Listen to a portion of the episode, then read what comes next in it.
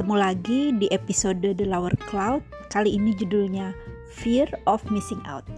Selamat mendengarkan.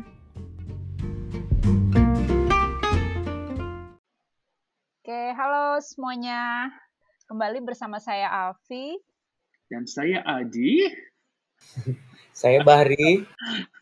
Kembali sesudah hai, hai. sekian lama ya kayaknya ya. Lama banget kayaknya ya kita uh, tidak uh, kumpul-kumpul bareng lagi. Mm-mm, berbulan ya tujuh purnama lah. Oh, tujuh purnama iya. Oh ya ini teringat waktu weekend terus aku beli subuh subuh gitu pagi-pagi pesen gojek eh, gofood. Uh, nasi kuning cempaka gitu. Terus kan aku abis beli gitu kan eh, tak kasih tahu tak foto gitu kan ke grup ke wa grup ke kalian.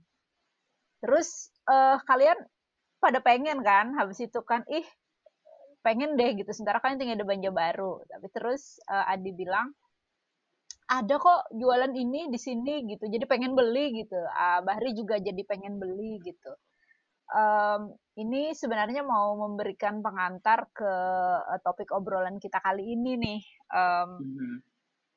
yang sering disebut-sebut orang dengan istilah uh, FOMO fear of missing out gitu Nah, um, menurut kalian sebenarnya yang seperti itu tadi FOMO nggak sih? Atau kalian pernah nggak sih uh, mengalami FOMO sebenarnya? Karena FOMO itu katanya kayak rasa kurang nyaman gitu. Kalau orang lain beli sesuatu, punya sesuatu, pergi ke mana gitu. Kayak ada ansietas gitu kalau melihat itu gitu. Kalau menurut kalian uh, gimana? Adi dulu.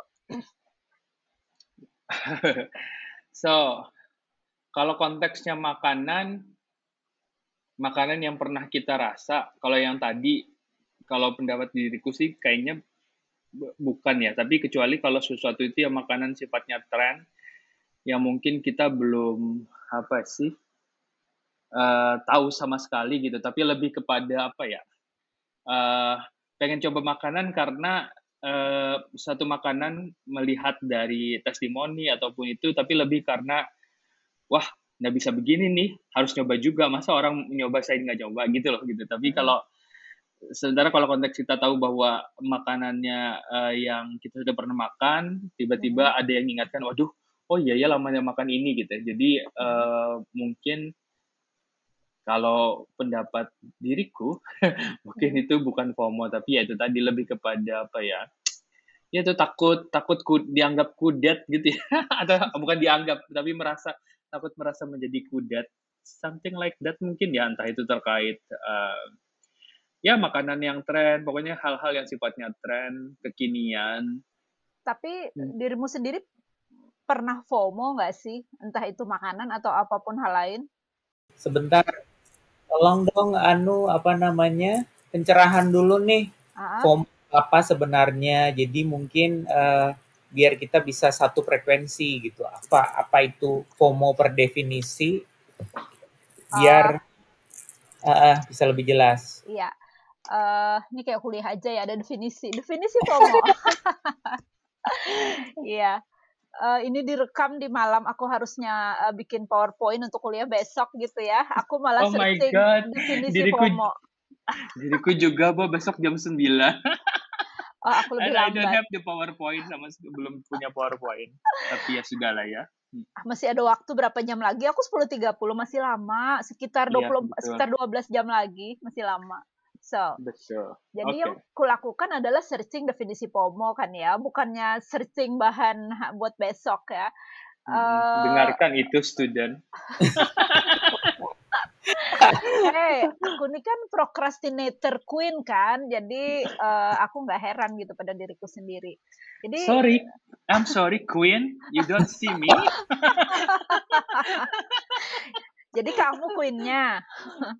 I'm the Beyonce of the procrastinating. Not the queen.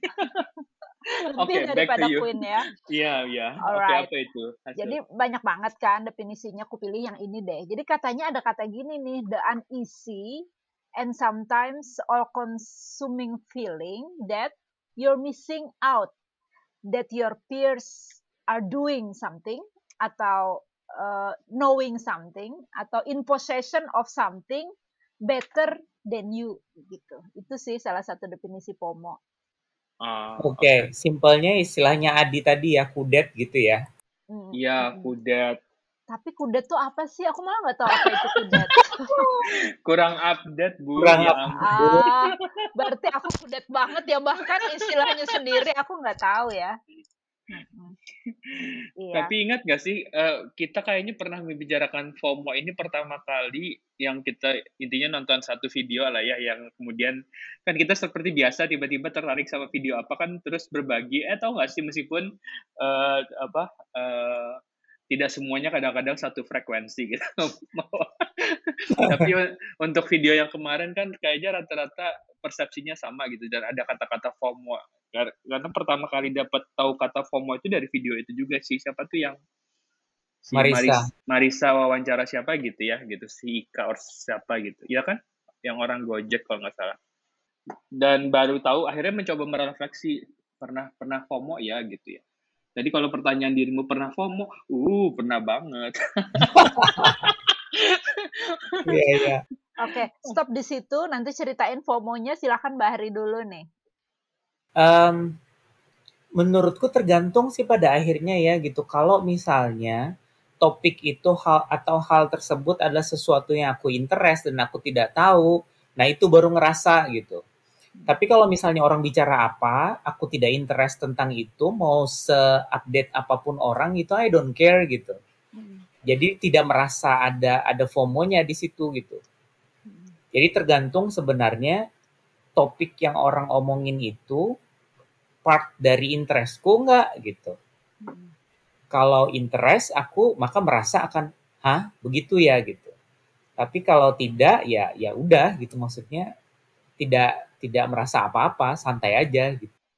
Hmm. Apa nih contohnya interest? Paling kalau yang sekarang ini kan misal um, karena again tidak bisa liburan gitu. Jadi ketika misalnya lagi nih si artis ini libur ke mana gitu. Jadi kalau nah saat ini itu jadi jadi point of interest gitu. Nah kalau tidak tahu itu tuh kesannya yang oh oke okay, I miss something gitu. Hmm. Tapi kalau misalnya orang lagi bicara, misalnya Alpi lagi bicara buku tentang apa gitu si siapa misalnya si siapa sih yang orang Jepang itu um, uh, Miyazaki Bukan, namanya Eko Miyazaki orang... malah anu ya pembuat film. Eh Murakami, aduh. Nah, uh, ketika Alpi bicara misalnya Murakami itu itu ini itu segala hmm. macam karena aku tidak terlalu tahu dia ya, ya oke okay, gitu. Hmm. Ya udah gitu aja gitu. Tidak merasa yang kemudian aku harus cari tahu, aku harus ini gitu enggak juga gitu. Jadi keywordsnya harus sesuatu yang memang interest kita gitu ya. Itu bagian dari eh, keywords paling penting gitu ya. For me at least. FOMO artinya FOMO buat kita bertiga mungkin yang di missing out-nya nih hal yang berbeda karena yeah. interest kita berbeda ya. Ya. Yeah. Uh, tadi ada keywords lain sih. Kalau keywordsnya tuh aku baca lah satu ada uneasy feelingnya, artinya kita harus merasa nggak nyaman dengan itu, makanya ada kata fear. Jadi kalau misalnya kita yang santai aja, ah, ih ternyata dia begitu, aku harus begitu gitu. Dia harus ada begitunya. Artinya kalau kita yang oh ya sudahlah aku nggak bisa juga ini gitu it's not fair. Terus ada poin ketiga lagi di sini katanya peers. Jadi peers uh, orang yang kita kenal gitu yang yang kita fear of missing outnya tuh fearnya kalau kita takutnya kalau uh, gerombolan kita gitu melakukan sesuatu. Terus kita kalau aku bilang sih sebenarnya FOMO nih iri nggak sih jealous mungkin What jealous. Eh, about jealous. it. Iya. Iya, jealous ya, jealous. Teman-teman kita ngerjain itu aku aku kok nggak diajak atau aku kok nggak dikasih tahu gitu loh. Nah, kalau uh, ternyata keywordsnya itu tadi adalah ad, itu adalah teman-teman kita sendiri atau gerombolan sendiri atau nggak usah teman deh orang sekitar kita, misalnya orang kantor misalnya gitu ya, uh, hmm. satu kantor yang kedua harus ada uneasy feelingnya, terus yang ketiga itu memang hal yang penting buat kita gitu tadi harus sesuatu yang interest kita. Nah dibalikin ke situ, kira-kira sebenarnya pernah FOMO nggak sih dirimu di? Uh, pada masanya sih selalu mungkin ya, selalu. Masanya Karena, tuh apa? pada masanya ya masih muda ya muda kemudian momen-momen tertentu gitu kali ya di? Momen-momen tertentu. Ya momen tertentu masa muda. Contoh dulu kan misalnya gini. Ada tren apa pokoknya aduh zaman orang uh, fotografi DSLR gitu-gitu ya kan ingat gak? I remember that. aduh tapi kan tidak mampu ya zaman itu gitu ya zaman uh, akhirnya uh, ya pengen juga mencoba akhirnya cari DSLR ala-ala kayak gitu kan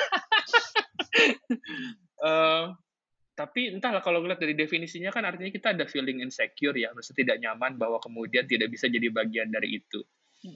Hmm, kalau sekarang-sekarang sebenarnya sudah tidak lagi karena mungkin apa apa ya sudah lebih entah mungkin karena What? pandemi. Uh, well, you say that, you said that, I didn't. apa kata Barry wise ya? Wise, thank oh. you very much. uh, ya, ya maksudnya kalau yang sebelum spill sekarang dulu konteksnya misalnya, wah ini uh, yang terkait pekerjaan ada teman-teman yang di satu uh, apa satu circle pekerjaan, kemudian ada kumpul, ada event gitu, wah tidak bisa di situ, waduh, uh, anu nih gitu, udah uh, ya misi perasaan missing out itu ada gitu meskipun lebih kepada uh, ya melewatkan momen dan sebagainya gitu. Tapi jadi kalau kembali ke tanya ya pada masanya sekarang sudah jauh lebih merasa tidak sih ya gitu. Jadi uh, pada banyak konteks iya. Uh, hmm. Apakah itu berarti ya uh, FOMO itu berbanding terbalik dengan usia ya? Eh, ada itu banding terbalik atau banding lurus ya? Berbanding lurus. Eh, berbanding terbalik, terbalik. Uh, ya. Uh, uh. What do you think, Be? Setuju sih. Um, karena misalnya itu tadi, contoh lah, oke, okay, uh, yang paling dekat dengan kita gitu saat ini. Misal nih, kalau kasusnya Adi misalnya. Adi uh, punya pekerjaan yang levelnya tinggi gitu ya, maksudnya uh. di skala yang lebih tinggi gitu. Excuse uh, me. Uh, gajinya dolar. Oh, gitu. Kayak gitu kan sebenarnya uh, to some extent gitu merasa bahwa wah oke okay nih gitu, pengen ih gitu. Cuman uh, maksudnya kan itu perasaan yang seperti itu ya nggak boleh dipupuk lama-lama gitu maksudnya oke okay, jalannya dia di situ dia bisa melakukan itu gitu kan kalau aku mau seperti itu I have to do something juga gitu tapi kalau memang tidak bisa ya ya terima aja sudah gitu maksudnya ya jalan orang beda-beda sehingga pada akhirnya awalnya perasaan yang pengen begitu apa segala macam itu jadi kayak yang ya udah gitu, biasa aja gitu. Tapi tetap ya itu tadi maksudnya di awal-awal tetap merasa bahwa pengen gitu. Terganggu nggak ya? Sedikit kali ya, tapi lama-lama ya udah gitu maksudnya enggak enggak yang kayak apa gitu, tidak mengganggu lagi akhirnya gitu. Mungkin ini yang terkait dengan dengan itu tadi ya, usia gitu. Bahwa sudah bisa lebih menerima ya itu itu orang lain gitu. Itu setiap orang tuh punya punya partnya masing-masing gitu. Kalau diriku sih kalau aku merasa kalau memang uh, kalau saat ini ya tapi memikir-mikir lagi sampai ke waktu masih sekolah juga ya entah karena memang kalau temen-temen juga nggak ada yang misalnya kita kan kalau kalau cewek kan beda sama cowok ya. Kalau cewek dulu geng ibaratnya ya waktu SMP SMA gitu tuh kalau pergi kan selalu bersama-sama ya. Artinya hmm. jarang banget kita misalnya kalau temen pergi kita nggak pergi itu kecil banget kemungkinannya. Biasanya kalau ada yang nggak bisa nggak jadi gitu. So aku mikir kalau di ini pang kalau udah di kuliah gitu kok kayaknya nggak rasa nggak ada gitu ya. I don't know apakah mungkin uh, aku menghapus hal-hal jelek dari kepala, maksudnya hal-hal buruk dari kepala melupakannya lalu merasa tidak ada gitu. Aku bahkan merasa bukan uh, fear of missing out kalau diriku. Kalau aku malah the joy of missing out gitu.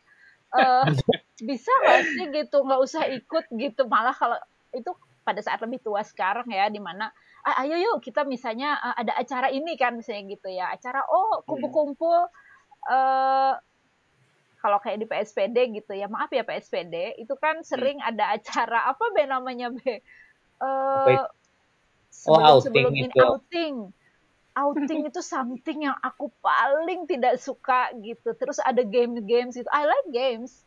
Not that kind of games of course. Jadi kayak yang game yang harus apa sih yang aneh-aneh kita harus uh, melempar bola gitu-gitu tuh it's not my thing gitu. Jadi kalau aku malah mungkin lebih ke the joy of missing out daripada fear of missing out gitu.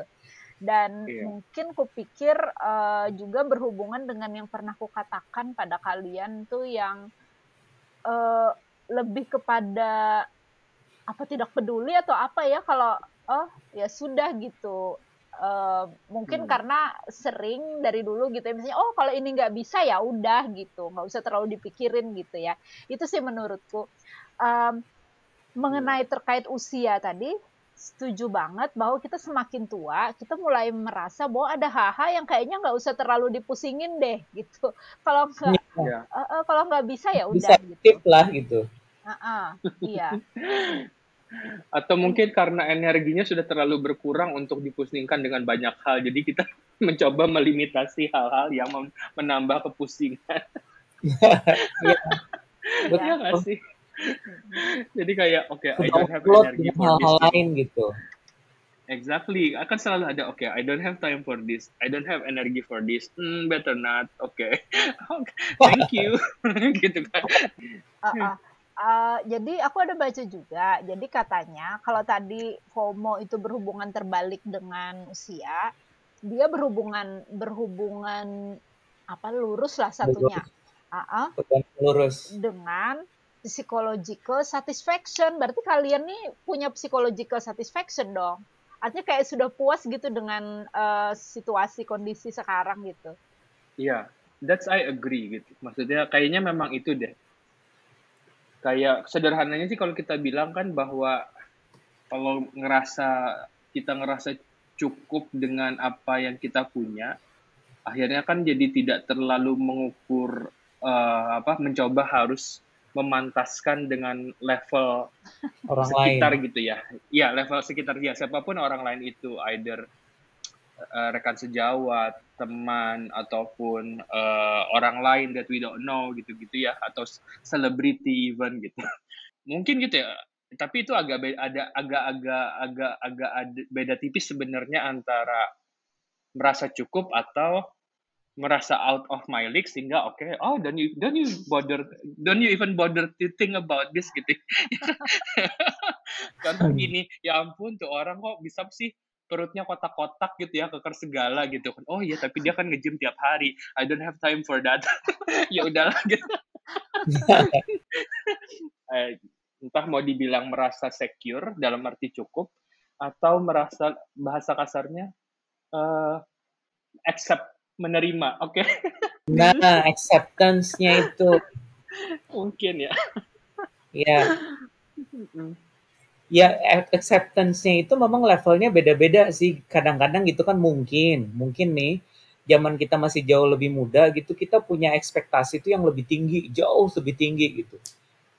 Jadi, uh. oh pengen ini nih, pengen ini gitu. Nah, ketika itu tidak tercapai, lalu jadi merasa bahwa oke, okay, um, tidak tercapai misalnya um, apa ya orang lain sudah berada pada level itu kita belum tuh kayak jadi sakit hati gitu. Tapi dengan sekarang misalnya kita tuh udah merasa bahwa oke okay, di level ini I'm fine I'm good gitu. Enough gitu. Jadi akhirnya hmm. ya sudah. Di situlah gitu. Hmm. jadi um, bukan berarti apa ya tadi namanya level of satisfactionnya itu uh, sama dengan yang dulu mungkin tidak gitu. Nah mungkin standar kita tuh udah turun gitu bahwa kok turun sih? Aku kok sedih dengernya. Tadi. dong. Oh, maksudnya standar kepuasannya udah turun gitu bahwa dulu yeah. pokoknya harus puas itu levelnya kita puas kalau 90%. Sekarang dengan 70%, oke, okay, I can live with that gitu kali ya, Kak. I nah. feel I feel sad. that, that sounds sad indeed. Yeah. Jadi ya, kalau yang true. Uh. Ya itu tadi misalnya kita tuh punya, dulu gitu misalnya punya keinginan yang sampai let's say um, misalnya katakanlah kalau bicara duit gitu sepuluh sepuluh ribu misalnya hmm. baru merasa senang baru merasa gimana Nah sekarang misalnya dengan 5000 pun sudah oke okay gitu misalnya. Jadi sehingga ketika melihat orang itu berada pada level 10.000 tuh nggak yang tidak missing out gitu. Jadi ya ya sudah itu itu rezekinya dia sampai 10.000. Gua 5.000 udah cukup, aman sampai di sini. Yang penting tidak berkekurangan.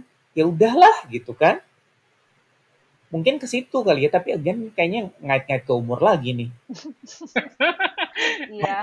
Se sepertinya mungkin di grup ini representasi kita nggak bisa memvalidasi dengan uh, kelompok umur yang lebih muda gitu ya.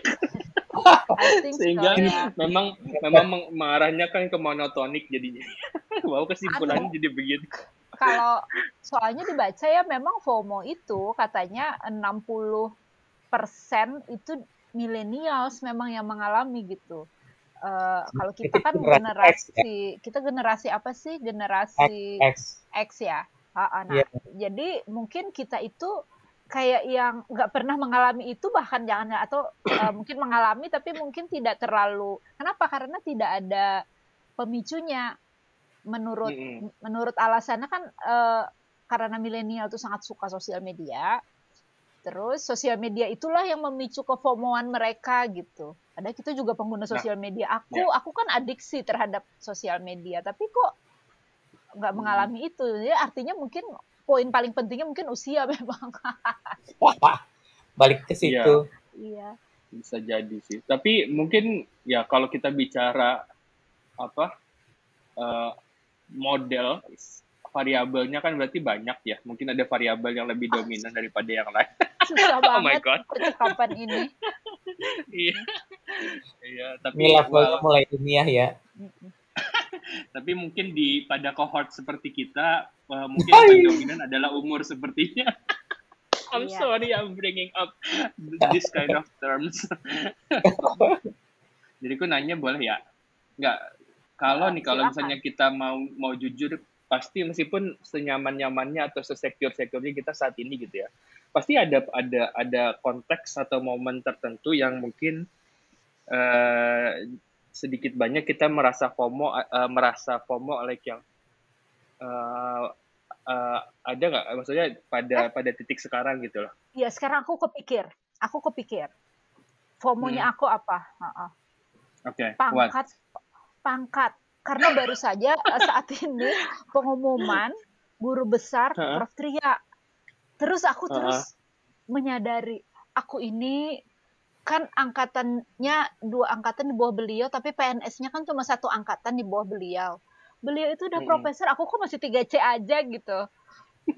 Terus terang itu sempat uh, gerak gitu ya. Ih, apa yang kulakukan selama ini gitu. Terus uh, kan obrolin gitu ya sama mama gitu ya. Terus uh, sama apa yang lain-lain juga. Kan tahu kena kalian juga ya. Eh kalau Adi udah hmm. apa gitu? Sama aja kan gitu kan aku senang kan karena tidak merasa uh, ada yang lebih baik dariku gitu. Terus pertanyaan selanjutnya tentu berlanjut dengan kalau Bahri um, dia tuh mah sebelum pergi sekolah aja udah golongan empat deh.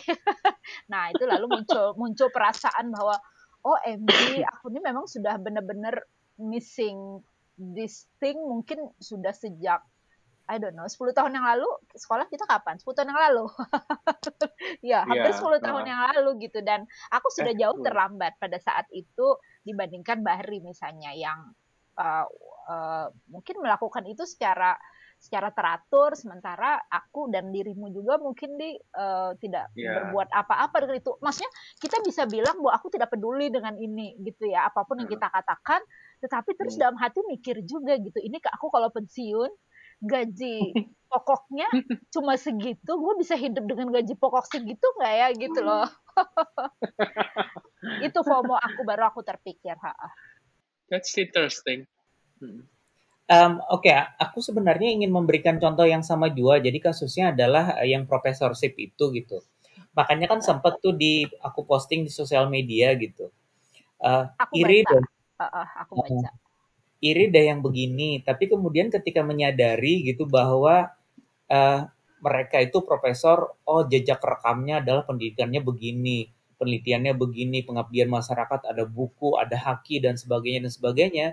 Jadi akhirnya uh, kemudian tuh kayak yang menampar diri sendiri, halo gitu. Lu punya haki berapa? Lu punya buku berapa gitu. Ah. Artinya lu jangan iri dong kalau misalnya lu belum belum berada di situ gitu. Nah, jadi akhirnya gitu ya maksudnya tidak menutup, tidak tidak mendustai gitu bahwa betul iri, tapi kemudian ketika melihat berbalik ke diri sendiri gitu bahwa oke, okay, hmm. gue belum sebegitunya gitu sehingga akhirnya jadi kayak yang apa namanya bisa menerima gitu. Nah, tinggal per definisi aku jadi nanya lagi nih per definisi itu tuh ada ada kurun waktunya nggak ya gitu? Artinya seseorang disebut sebagai FOMO ketika misalnya keluhan itu dirasakan misalnya selama satu bulan gitu. Ini kedokteran jiwa banget jadi kok jadi terdengar simptomatik ya atau kalau misalnya kayak kemarin itu kan yang anda merasakannya tiap hari gitu ya Yeah. Nah itu uh, kalau misalnya kita cuma merasa misalnya cuma oke okay, dua tiga hari habis itu kita good gitu misalnya tidak lagi mengganggu kita, apakah ini juga disebut sebagai FOMO gitu? Nah ini kemudian yang yeah. yang concern gitu, maksudnya ya gimana nih definisinya gitu? Tapi menarik sih, maksudnya disebut konsep. Mungkin setelah kita melakukan literatur review baru akan ketahuan variasi definisinya tapi tapi tapi I mean you got the point ke B gitu. Bahwa ya pada akhirnya memang that's FOMO gitu. Tapi kemudian uh, tapi entahlah karena belum pernah baca lebih detail tentang ini ya. Itu tadi apakah ada semacam batasan? Apakah ada tapi sesuatu itu kan selalu ada kadarnya gitu ya mungkin siapa tahu juga ada ada apa stadium. Oh, iya iya jangan-jangan ada. Oh, oh. Staging staging. Ada stagingnya gitu ya, ada stagingnya dan kemudian dia bisa relapse apa tidak kan gitu. Ini bisa penelitian loh kita variabel-variabel uh, prediktor gitu ya. Uh, keparahan FOMO. Mm-hmm. right, interesting. ya, yeah. uh, bikin kuesionernya dah di. Mm -mm. Mm -mm. Nah, kalau kalau diriku yang sampai sekarang yang I think I think kalau kalau berdasarkan apa yang dipahami tentang FOMO at least apa yang diriku pahami masih agak berasa FOMO itu kalau ada yang lihat lagi postdoc, you know what I mean? Ya kan? Oh, ya. It, itu masih lagi ketika ada teman yang terkenal gitu atau apa segala. Oh, dia postdoc sini nih atau postdoc. Itu mungkin karena memang sebenarnya ada keinginan tapi seperti yang KB bilang ada keinginan tapi tidak tidak pernah juga memupuk untuk ke situ gitu ya. Tapi lo ngapain komplain? Ya kan gitu. Tapi kalau ditanya apakah lihat orang bisa postdoc gitu kan di mana pagi di luar gitu ya. Kemudian ada teman yang baru-baru yang diriku kenal baik bisa postdoc project di Indonesia tapi postdocnya di universitas luar gitu. Maksudnya ya ampun enak banget. Dalam hati kan enak banget ya gitu. Maksudnya yuk dirimu tetap bisa hidup di, di negara sendiri. Ada kemungkinan sekali sekali sebagainya gitu. Dan ada ada itu postdoc juga. Tapi ya kembali lagi akhirnya juga ada penerimaan gitu toh. Kalaupun ada emang uh, konsekuensinya kan banyak ya artinya. Ya zaman zaman kayak kita sekolah juga ibaratnya kan. Harus harus ini harus itu. Jadi ya itu sih perposdokan kalau diriku yang masih agak sedikit membuat FOMO. Hmm. kalau yang lain-lain kayaknya enggak deh. Kayaknya ya. Pangkat hmm, well masih belum masih belum batas belum sampai ke FOMO kayaknya. Atau berhenti FOMO. Uh, belum never was I think. Oh yet. wow, oke. Okay. Just yet, just.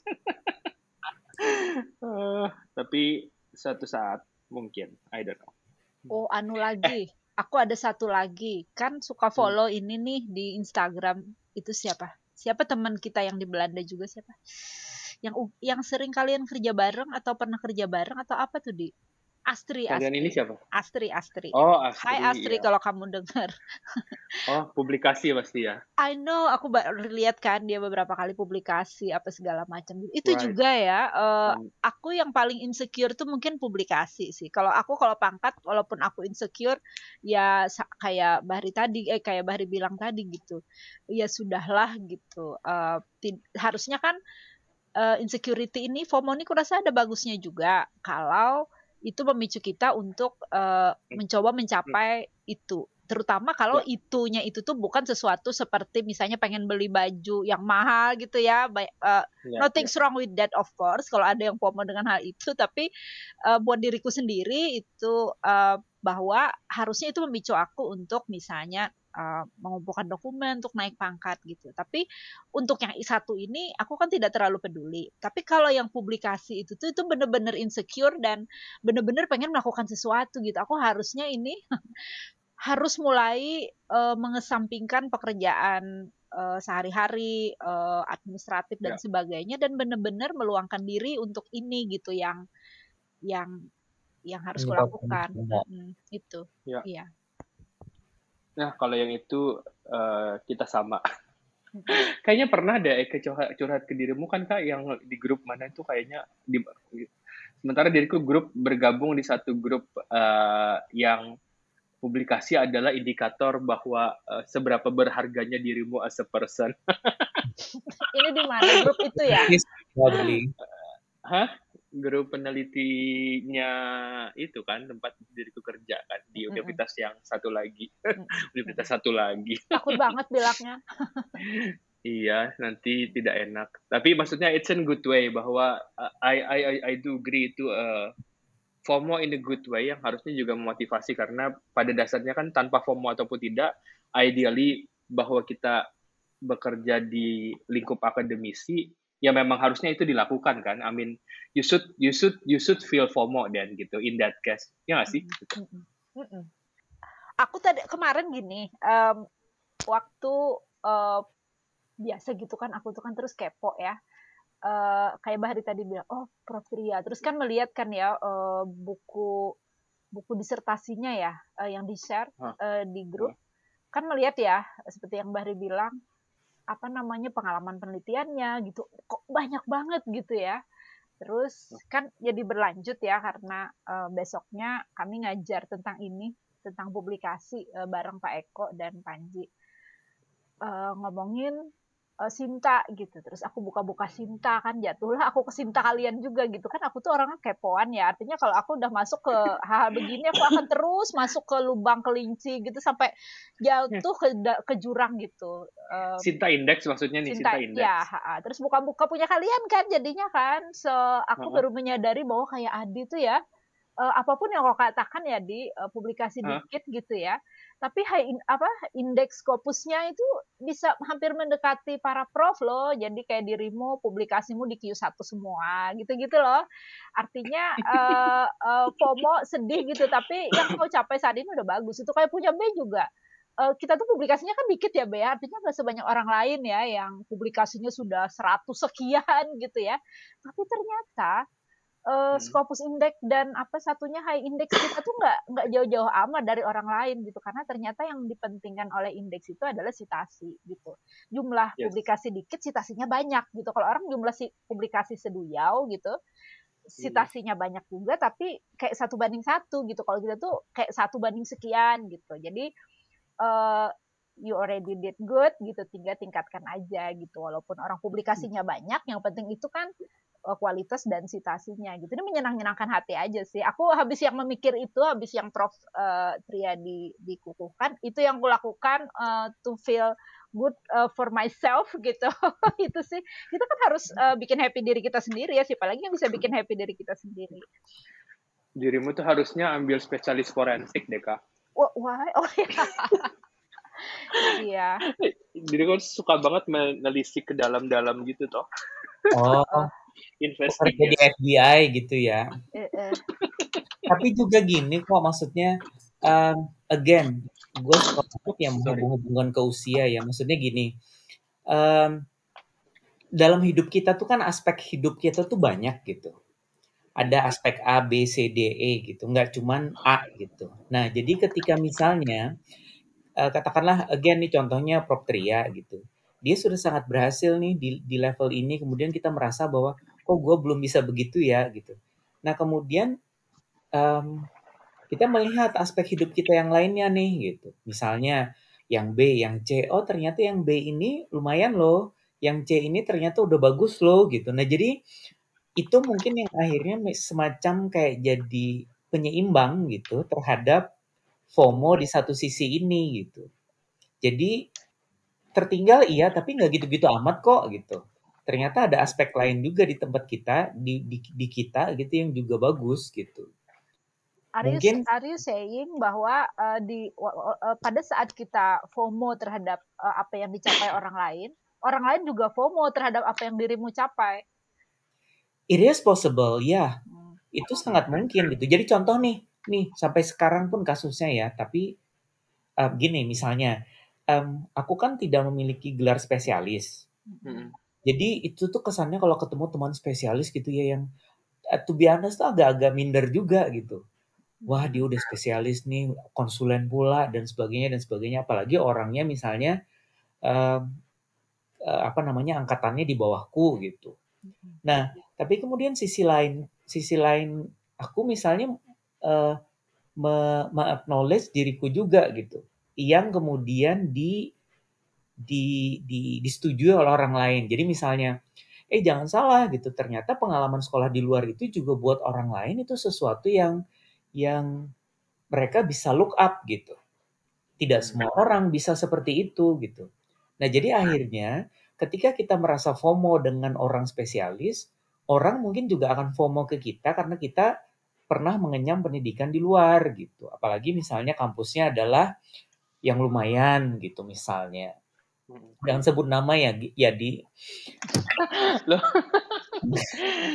Tidak ada larangan kok. Eh Tidak. tapi ini berarti udah masuk itu kan ya kita how to deal with this promoting. I mean we we do admit that uh, apa namanya kita tidak ter tidak tidak tidak terhindar dari FOMO kan maksudnya suka tidak suka ya nggak sih gitu. ternyata mau mm, tidak dalam banyak konteks dan sebagainya tidak ya bahkan sampai di titik ini pun juga masih akan ada hal-hal yang bikin merasa FOMO hmm. tapi dan we have to deal with that salah satunya kan menerima apa penerimaan atau mungkin juga refleksi bahwa oke okay, I mean ya itu tadi bahwa ada hal yang kita mungkin agak tertinggal dari orang dalam satu aspek tapi ada hal lain yang yang mungkin uh, bisa bisa dianggap lebih dari yang lain gitu gitu seperti halnya kehidupan ya Allah itulah cara semesta bekerja ya kan Semesta merestui ya. Tapi agak melipir, Amin, agak melip, agak melipir diriku. Kau bilang itu kalau tapi Sinta Sinta itu jadi geli waktu ini agak out of topic. Waktu menuliskan itu apa?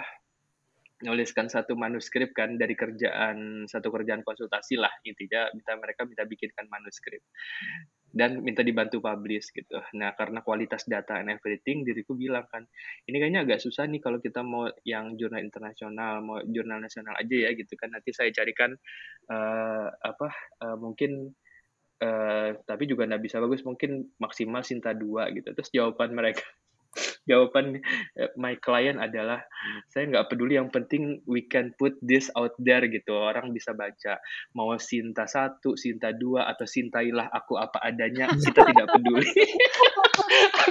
Jadi ku so well itu intermezzo.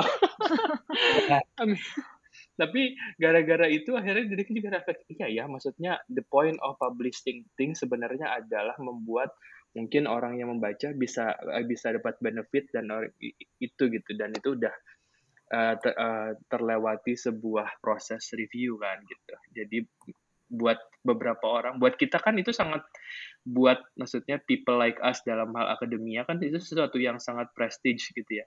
Hmm. tapi ternyata pada yang kelompok lain yang ternyata memerlukan benefit dari itu itu bukan masalah. Yang penting adalah ini accessible buat orang gitu So itu nah, lebih it, mulia that's, kayaknya ya. Exactly ya kan gitu. Mungkin um, uh, satu salah satu cara buat itu kan, buat fo, uh, menghindari FOMO untuk yang wow dia yang impact faktornya 17. I know.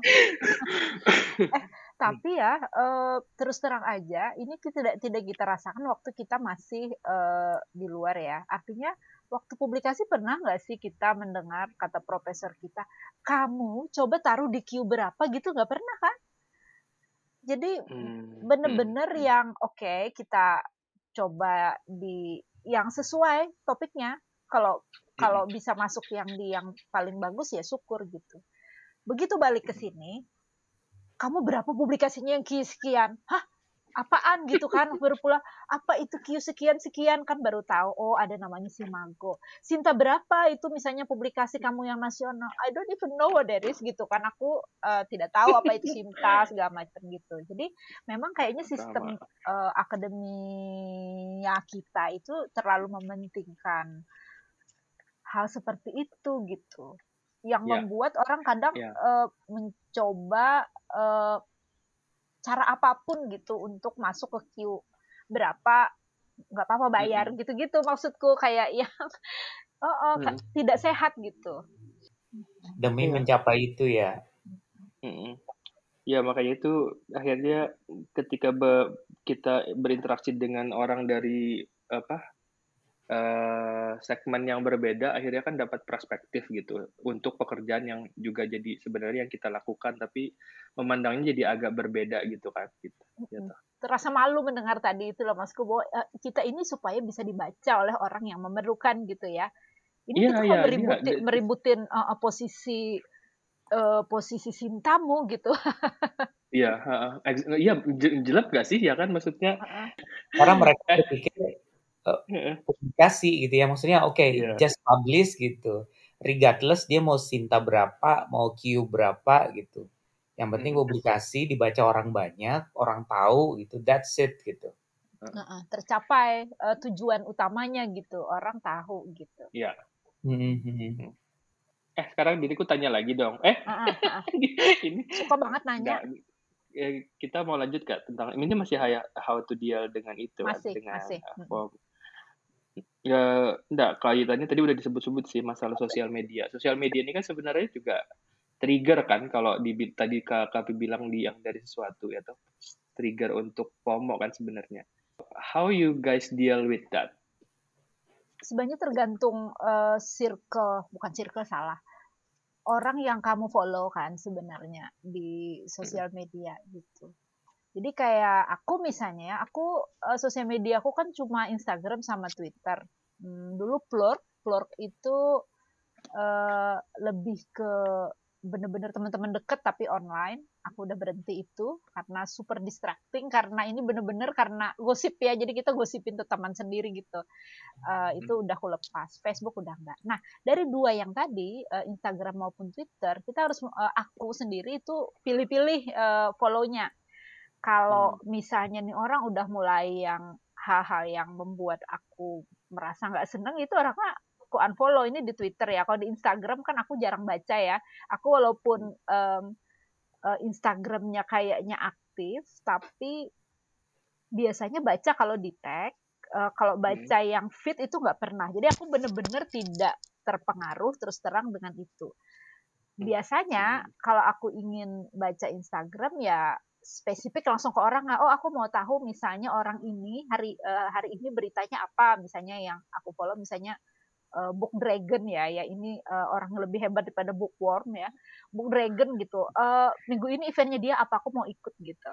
Ya ini bukan hmm. FOMO ya artinya aku cuma mau ikut gitu kalau nggak ikut ya udah gitu dapat kayak informasi gitu. gitu ya. Hmm, dapat informasi nah jadi aku kalau misalnya orang ngomong sosial mediamu mengganggu nggak? Nggak gitu Walau hmm. uh, aku cerita tadi malam ya Be sama Bahri ya, uh, tapi aku akan merahasiakan cerita aja sendiri. Cuma aku mau bilang bahwa aku tapi atau cerita juga ke Adi ada reels kan sekarang gitu. Aku tuh bisa kalau begitu masuk aku masuk jurang gitu kan. Itu tadi karena aku tuh memfollow sebuah informasi.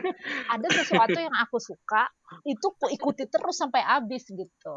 Sama kayak tadi malam Twitter itu aku ketemu sebuah informasi menarik nih dikatakan oleh seseorang. Kejar terus sampai habis pokoknya habislah sampai tengah malam. Padahal aku harusnya uh, misalnya kemarin itu waktu itu malam apa ya? Malam mau ngasih workshop. Powerpointnya belum hmm. bikin saudara-saudara. Tengah malam baru selesai powerpointnya baru gue bikin pagi. Jadi uh, ya itulah it's not really good gitu. Tapi alhamdulillah uh, ke sosial media mediaanku tuh nggak ada hubungannya dengan FOMO gitu. Jadi uh, um, kupikir adalah sebenarnya cara menghindarinya adalah dengan memfollow orang yang tepat gitu. Kalau sesuatu yeah. itu ternyata uh, me, me, membuat kamu tidak nyaman, unfollow aja. Kalau Bahri? biasanya sih kalau di sosial media itu ya bisa sih ya seperti itu gitu maksudnya uh, bikin FOMO juga iya gitu tapi kadarnya itu tuh tidak besar yang besar itu justru adalah terganggu dengan hal-hal yang menurutku um, gue tidak pengen lihat itu gitu karena membuat naluri menghujat itu meningkat gitu. julid ya. Naluri julidnya naik. Naluri julid naik. Nah jadi paling yang seperti itu tuh um, sementara waktu adalah di oke okay, orang itu di hide dulu itu dari dari timelineku gitu misalnya atau di unfollow untuk sementara gitu di unfriend mungkin tidak uh, kalau misalnya orang tersebut adalah dikenal gitu aku kenal orang itu orang itu kenal aku mungkin tidak akan di unfriend gitu tapi kalau sudah sangat mengganggu nah itu mungkin di unfriend hmm. jadi apa ya? Nah, tapi ada ada momen-momen yang pada akhirnya saking mengganggunya itu, lalu akhirnya aku oke, okay, gue mau hiatus dulu nih dari sosial media gitu. Jadi misalnya pernah kejadian seberapa hari paling ya, seminggu kali ya, seminggu gitu. Uh, Facebook tuh bisa drop gitu. Kalau Instagram masih masih bisa dihandle sih. Kalau ya. Instagram. Facebook nah itu yang pernah aku yang benar-benar off gitu. LinkedIn itu kan nggak terlalu pengaruh ya karena dia sangat ilmiah kan. Ih, Bahri sekarang pasang status loh, pasang status di LinkedIn dia baru baru Oh ya? Oh, oh aku sampai kaget. Lah, aduh, apa yang dia pasang gitu ya. Wait, yang mana? Itu tentang yang lulusan pertama paru. Oh, itu. Oh iya iya. iya. Been a while itu. Iya sih. Oh, ada lagi ya sesudah itu. no, Iya maksudnya um, kalau yang baru-baru ini das the newest one gitu tapi uh, ya itu juga udah udah lumayan lama kan. Uh, itu Kita sih. semua jarang posting ya nggak sih? Kalau di LinkedIn iya. jarang. Kalau jarang di... posting setelah merah. Jadi aku jarang posting itu setelah merasa hidup gua kok flat banget ya apa yang mau diposting gitu kan. I know, dulu kan right? I know. Dulu, dulu kan ke sana ke sini ke sana ke sini sekarang kan. Lu posting dong di tempat tidur posting di di, di dapur posting Aduh. di ruang kerja gitu aku berharap Nanti... dirimu posting waktu dirimu bikin apple pie loh di ternyata gak diposting di story aja. Nanti kan bikin orang FOMO kan gak enak. Oh my god. Aku pun nggak FOMO semalam tuh, berharap bikin ini. oh iya iya. Ah, belum pede mengasih-ngasih orang. iya. Kalau diriku kan sudah eh, sosial media, maksudnya gara-gara salah satu akhirnya kan ada momen yang yang itu juga gara-gara akhirnya jadi ketemu video yang tak share yang yang uh, yang si Marisa itu ya gitu. Kemudian di, akhir kan ada beberapa kali yang omongan tentang sosial media. Akhirnya refleksi kan sempat mencoba untuk uh, hiatus ya bahasanya KB ya. Dulu dua bulan dan sekarang apa namanya sekarang sudah dua minggu juga tanpa sosial media. I mean, tapi apakah itu kemudian untuk menghindarin FOMO? In certain way mungkin ya gitu. Tapi pada setelah uh, coba kemarin coba puasa dua bulan itu lebih kepada merasa pengen melihat kepada diri sendiri bahwa bisa apa tidak sih tanpa itu gitu ya kan gitu can you ternyata yes I can gitu dan dulu tuh jujur aja kenapa sempat ada ragu. Ketakutan terbesar bukan ketakutan ya sebenarnya. Bah tidak ada bahasa yang lebih enak. Ketakutan untuk tidak menggunakan sosial media takutnya oh mungkin ada berita-berita penting kah gitu. Kayak oh, ada webinar yang bagus ketinggalan gitu. Tapi kenyataannya kalau memang itu ternyata penting akhirnya sampai ke sendiri juga gitu tanpa melalui sosial media. Tiba-tiba ada aja yang whatsappin oh ada acara ini atau apa kayak gitu gitulah gitu so akhirnya diriku percaya bahwa oh kalau memang itu terkait saya berita apa segala atau apa pun uh, akan sampai juga even without social media uh, dan WhatsApp ya. itu sosial media loh, Pak. Hah? WhatsApp itu sosial media loh. WhatsApp itu messenger, Pak. Yes, ayo berkelahi definisi. itu chat, itu chat apa namanya chat apa sih software bukan chat application. Iya, kecuali story-nya dia punya story feature juga sih. Oh, ada ya? Itu media sosialisasi punya... juga kan? Iya, yeah, I mean, iya, yeah, well, that's a, well. Kalau sosial media itu semua orang bisa lihat gitu, kita taruh ke publik. Kalau hmm. WhatsApp itu kan kita hanya bisa dilihat oleh orang yang di dalam grup hmm. atau orang yang kita tuju percakapan, nah jadi agak beda. Hmm. Tapi kecuali WhatsApp tuh, Story, kecuali, bisa, uh, bisa WhatsApp lihat. WhatsApp Story itu yang mana? Oh, yang ah, status. Eh, status atau ya, apa tuh ya? Hmm. Iya, WhatsApp status. WhatsApp Tapi, Iya, dia nyebutnya status. Ah. Aku kagum sih, kalian berdua bisa hiatus. Kalau aku tidak bisa. Aku kalau misalnya mati lampu, mati uh, jaringan listrik, mati laptop, mati HP, I die. Tapi bukan karena FOMO gitu. Maksudnya bukan karena takut ketinggalan berita. Aku tuh takut hmm. gak ada hiburan. Jadi hiburan gue tuh kan baca Twitter yang lucu-lucu gitu loh maksudku atau um, ya kayak gitulah jadi terus apa yang gue lakukan gitu padahal ada aja barang-barang lainnya Kindle atau apa gitu yang buat dibaca tapi aku tuh tetap butuh dosis itu gitu setiap hari. Iya. Yeah. Uh -uh. Tapi kan gini juga. Kenapa? Sebenarnya uh, bukan kalau misalnya harus tetap berinteraksi dengan sosial media, yang muncul adalah kita get annoyed dari situ, kan tidak nyaman. Ya. Akhirnya apa ya sudahlah gitu, maksudnya nggak usah menyentuh dulu nih sosial media untuk waktu tertentu sampai hmm. mental stabil gitu ya, tidak kena hmm. mental hmm. lagi bahasa anak sekarang. Jadi itu akhirnya bisa menyebabkan kita ya maksudnya lebih lebih kuat gitu untuk tidak tidak terpapar dengan sosial media karena kalau terpapar hmm. yang terjadi justru kita terganggu gitu. Sebenarnya kalau sosial media tuh kalau kalau kayak WhatsApp kan kita misalnya kalau dikirimi gitu ya di WA grup kan mau nggak mau lihat ya. Tapi kalau WhatsApp hmm. kan bisa skip skip skip skip oh minta ini skip skip skip gitu semuanya hmm. bisa gitu. Nah aku memang uh, apa um, uh, itu tadi juga mungkin lagi-lagi aku bilang uh, kita memfollow orang yang bener nggak kalau orang ini udah nggak bener udah uh, lupakan yeah. saja orang ini gitu gak peduli kita kenal di di di dunia Mana? nyata atau tidak ha. Ya aku right. uh, kalau Twitter uh, jarang follow orang yang aku kenal sih. Justru kan Twitter itu kan tujuannya adalah memfollow orang-orang yang sehobi dengan kita atau orang-orang yang uh, tweetnya lucu-lucu gitu. Lebih seperti itu sih tujuan diriku untuk Twitter.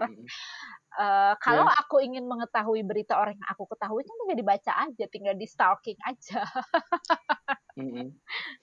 so, Twitter diriku masih masih pakai karena mostly mem, mem, mem, memfollow orang yang tidak kenal kan eh, maksudnya tidak kenal lebih banyak follow akun-akun official ya gitu kan dan cari berita itu lebih apa update berita itu lebih cepat di Twitter kan sebenarnya ya gitu. betul tiba-tiba ada yang trending apa dan lebih sehat nah, juga ya dibandingkan Instagram komen-komennya lebih uh, oke okay, iya. yeah. uh, otaknya lebih geser tetapi uh, cara berdiskusi berkomunikasinya lebih sehat gitu mm -mm. Dan dan sebenarnya gara-gara sempat hiatus gara-gara sempat hiatus dari dari Instagram terutama Facebook itulah yang kemudian membawa diriku ke TikTok. Which is fun karena karena kan konten-konten yang orang yang kita tidak kenal, people that we don't care about gitu ya kan gitu. Tuh bikin lama-lama iya maksudnya mau dia jungkir balik atau segala kan kalau kita lucu tonton gitu nonton komen-komennya yang netizen yang maha benar yang lucu-lucu gitu kan. Tapi kebayang juga sih ke sini ke sini konten-kontennya TikTok itu kan juga banyak berpotensi untuk bikin FOMO, terutama untuk anak-anak muda mungkin ya, mungkin generasi yang masih cari jati diri, karena banyak konten-konten yang kayak gini loh, kayak dulu bukan siapa-siapa, kemudian sekarang sudah punya ini atau sudah punya mobil 17 gitu kan dalam umur 24 tahun gitu-gitulah. Why do I use 17 terus ya? Oh, mungkin karena Agustusan. tapi buat di level diriku yang sudah well I don't really care kan gitu jadi bisa tinggal skip skip aja lo nonton yang lucu-lucu gitu. uh, itu juga begitulah. kali ya uh, sudah cukup established juga menurut aku. Maksudnya kita itu sudah berada di titik yang uh, bukan kaya raya atau apa tapi cukup established gitu. Uh, penghasilan uh, reguler gitu kan. Mau beli sesuatu bisa aja gitu ya. Ya nggak beli rumah atau apa juga maksudnya beli kehidup untuk sesuatu yang sehari-hari yeah, beli yeah. sesuatu untuk hiburan bisa. Jadi kurasa keestablishan itu tuh juga juga membantu. Ya, makanya kebayang juga sih kalau yang memang belum pada di establish ini eh, lebih uh, sangat sangat fluid kan ya. Tapi kebayang kalau yang belum pada di, di level establish itu seberapa apa uh, secara mental akan ngeri juga loh lama-lama kelihat TikTok TikTok karena konten yang kayak gitu-gitu makin banyak yang menunjukkan pencapaian diri gitu-gitu loh yang akhirnya busuk yang orang akan bisa kebayang orang yang mungkin masih punya dream uh, mungkin anak-anak muda sekarang bisa aja itu jadi jadi FOMO gitu. So yang, I think termasuk tren akoi-akoi itu kah? Akoi itu yang mana? Itu yang bagi-bagi duit. Uh, lupa sih ya. Oh, tapi bukan di TikTok itu di Instagram kayaknya. Uh, tapi banyak model-model gini sih. Uh, maksudnya kayak yang itu intinya dia menceritakan bahwa di umur 24 tahun uh, gaji sudah 70 juta atau 30 kayak gitu-gitulah model-model terus punya investasi. I mean, well, it's good gitu, tapi masalahnya kan juga ya pada akhirnya jadi ya I don't know, tapi mungkin Eka aja. aku ada baca istilah lucu nih, aku terus teringat nih. Uh, ada istilah bromo juga ternyata tapi dia bukan bukan kepanjangan gitu tapi ada kaitannya dengan FOMO jadi katanya bromo itu adalah when your bros atau friends gitu protect mm -hmm. you from missing out contoh misalnya nih kita pergi mm -hmm. bertiga gitu ke mana mm -hmm. gitu ha -ha. Uh, sementara kita punya teman lagi misalnya sekitar tiga orang misalnya gitu nggak ikut nggak kita ajak gitu atau dia nggak bisa ikut gitu nah terus uh, kita pergi jalan-jalan uh, ke mana gitu ya misalnya ke Bromo saya karena dia Bromo nah terus kita hmm. merasa kasihan sama yang ketinggalan nih terus kita nggak oh selama kita di Bromo kita nggak kita foto-foto tapi kita nggak tunjukkan foto-foto itu di sosial media untuk menjaga perasaan dia hmm. gitu nah itu kan yeah, uh, yeah, yeah. nah ini juga ada katanya istilahnya Bromo uh, kita mencoba memproteksi teman-teman kita uh, our bros gitu dari uh, perasaan missing out gitu karena kita pamer-pamer di sosial media Iya, iya, oh, iya, make sense sih. Lo, lo circle-nya bukan? Kenapa?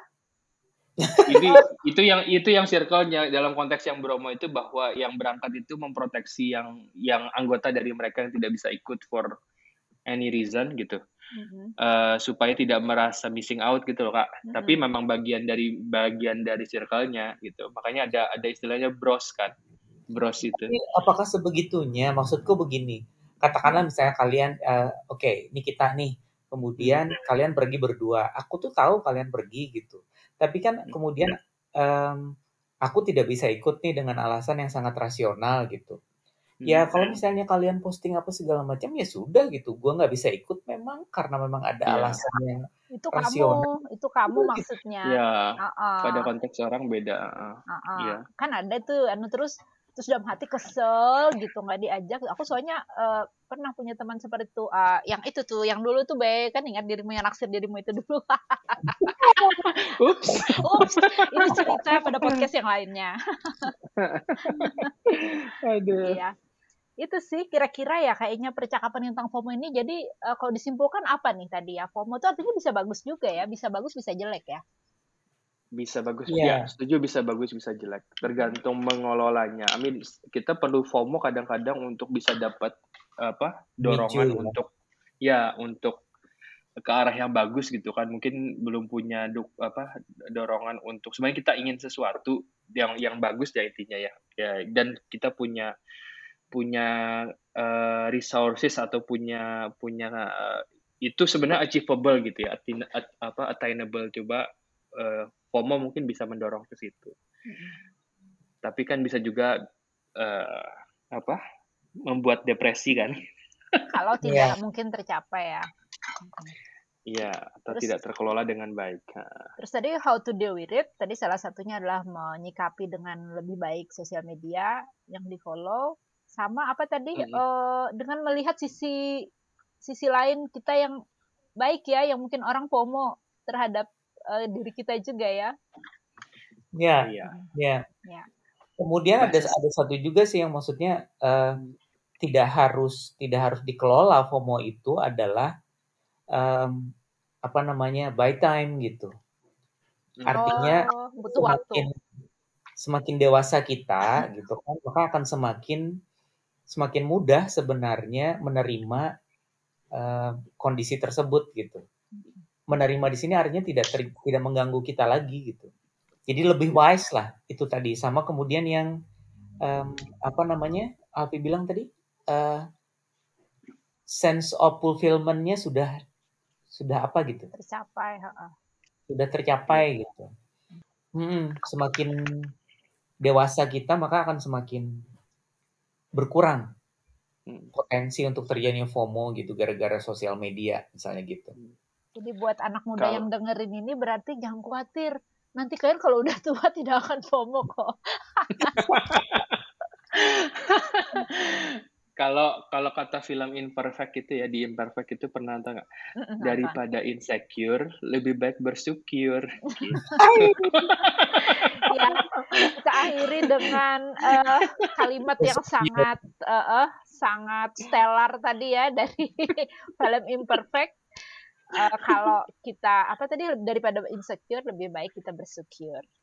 Oke. Okay. Iya. Yeah. Uh, okay. Baik, terima kasih uh, teman-teman karena sudah uh, obrol-obrol uh, malam ini. Mudah-mudahan uh, podcast kita ini bisa lebih reguler ya. Soalnya ini para para pembicaranya ini nih uh, sama hostnya ini mudi sekali ya. Kalau lagi nggak mood, iya. nggak bisa bikin podcast. Dia iya. bisa menyanyi jadi Corbusier ini. iya. uh, uh. Kemarin berhayal podcastnya ini suatu hari uh, apa bisa mendatangkan uang gitu ya ternyata. mau upload aja, mau apa rekaman aja males ya. Uh, itu kita itu memang orangnya kalau hal kayak begini nggak FOMO kok sama Deddy Corbuzier enggak. Iya. Oke, okay, baiklah. Sampai ketemu lagi ya semuanya. Terima kasih. Dah. Bye.